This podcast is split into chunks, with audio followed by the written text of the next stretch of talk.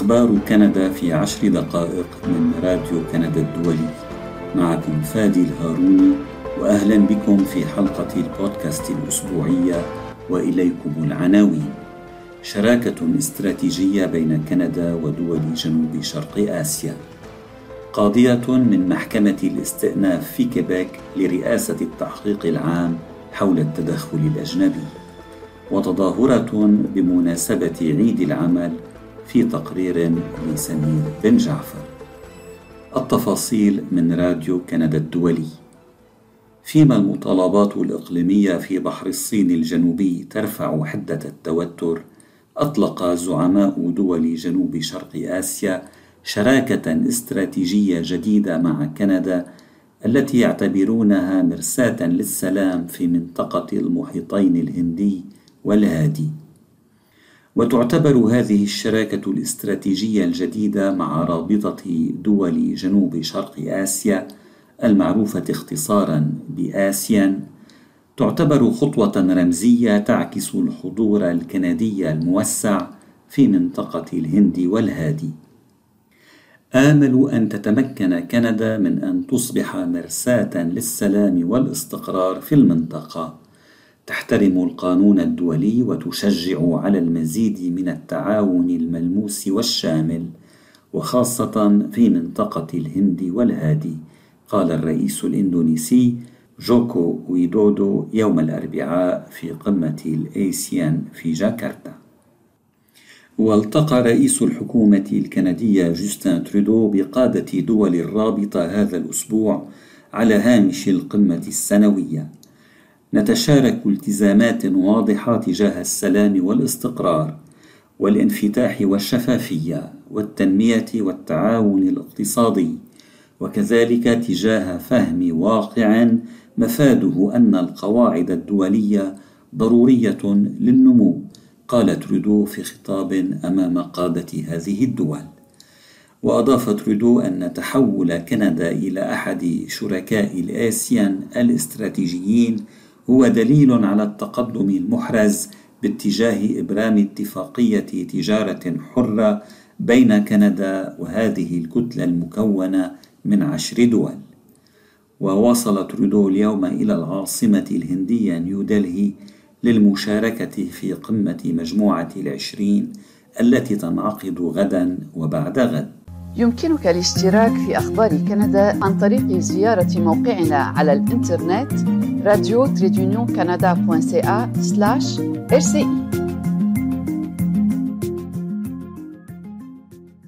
تم اختيار القاضية في محكمة الاستئناف في كيبيك ماري جوزي أوغ لرئاسة التحقيق العام حول التدخل الأجنبي في الشؤون الكندية.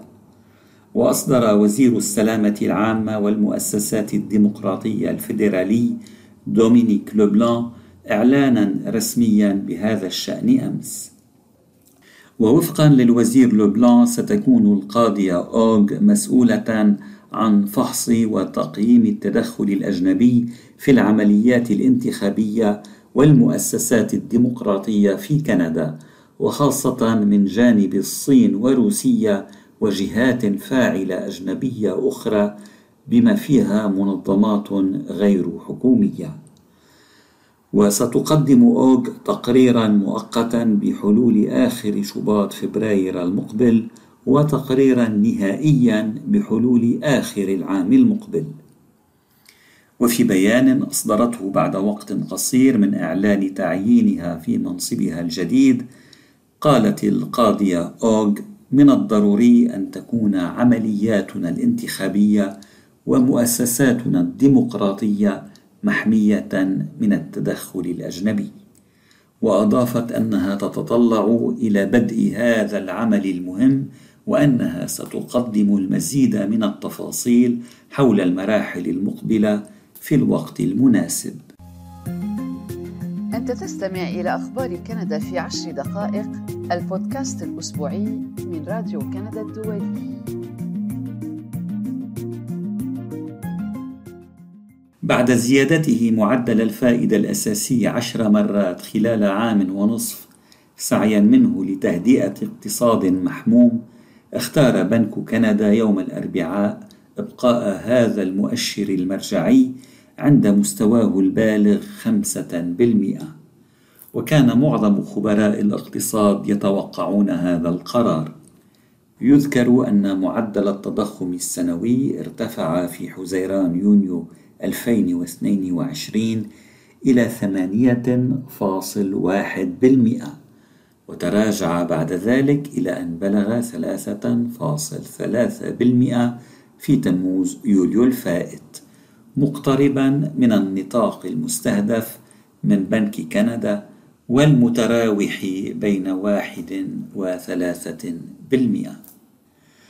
ظل معدل البطالة في كندا عند مستوى 5.5% في آب أغسطس الماضي على الرغم من إضافة الاقتصاد الوطني أربعين ألف وظيفة إلى سوق العمل. فهذه المكاسب يقابلها نمو سكاني قياسي وفقا للبيانات الصادرة اليوم عن وكالة الإحصاء الكندية. واستقر معدل البطالة في آب أغسطس بعد أن سجل ارتفاعا في الأشهر الثلاثة السابقة أيار مايو وحزيران يونيو وتموز يوليو. وكانت قطاعات الخدمات المهنية والعلمية والتقنية هي التي أضافت الشهر الماضي العدد الأكبر من الوظائف. تلاها قطاع البناء فيما سجل انخفاض في خدمات التعليم وقطاع التصنيع. أنت تستمع إلى البودكاست الأسبوعي من راديو كندا الدولي. بدأت الحملة الانتخابية العامة في مقاطعة مانيتوبا في غرب وسط كندا يوم الثلاثاء ويدلي الناخبون بأصواتهم في الثالث من تشرين الأول أكتوبر. وتتكون الجمعية التشريعية في وينيبيغ من سبعة وخمسين مقعدا وعند حلها كان للحزب التقدمي المحافظ الحاكم خمسة وثلاثون مقعدا وللحزب الديمقراطي الجديد اليساري التوجه ثمانية عشر مقعدا وللحزب الليبرالي ثلاثة مقاعد بالإضافة إلى مقعد شاغر. ومانيتوبا هي إحدى مقاطعات البراري الثلاث يبلغ عدد سكانها حوالي مليون ونصف المليون نسمة. أنت تستمع إلى البودكاست الأسبوعي من راديو كندا الدولي. شهد وسط مدينة مونريال يوم الاثنين مظاهرة نظمتها مجموعة من المنظمات العمالية والمجتمعية بمناسبة عيد العمل الذي يتزامن في أمريكا الشمالية مع الاثنين الأول من شهر أيلول سبتمبر من كل سنة. ولم تثن الحرارة التي عرفتها مونريال المتظاهرين عن السير والمطالبة برفع أجور العمال للتصدي لآثار التضخم على قدرتهم الشرائية. ونظمت المسيرة للسنة الرابعة على التوالي في سياق تضخم غير مسبوق وهجمات خدمات حزب التحالف من أجل مستقبل كيباك ال CAQ الحاكم وتصاعد الإضرابات والنضالات العمالية كما أوضح المنظمون في ندائهم للمشاركة في المظاهرة. ونددوا بالتضخم الذي يؤدي إلى إفقار العمال حيث أكدوا أن الرواتب المنخفضة لا تسمح بمواجهة التضخم وتأمين الاحتياجات الأساسية. وبالنسبة للمنظمين فإن زيادة الرواتب أمر ضروري. وشارك في المظاهرة النائب هارون بوعزي عضو الجمعية الوطنية في كيباك عن حزب التضامن الكيبيكي Québec solidaire وأوضح أن حضوره في هذه المظاهرة مهم لعدة أسباب. C'est important pour au moins trois raisons.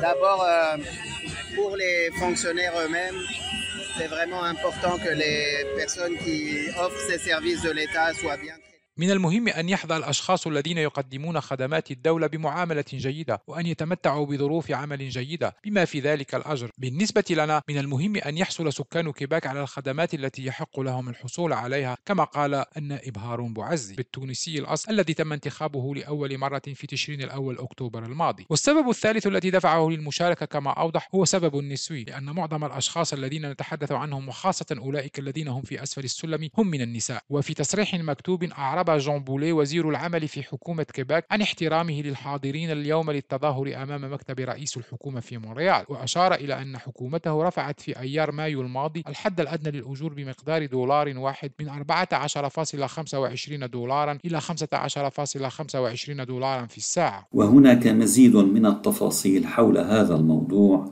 في تقرير الزميل سمير بن جعفر على موقعنا. حلقة البودكاست لهذا الأسبوع انتهت. شكرا لإصغائكم.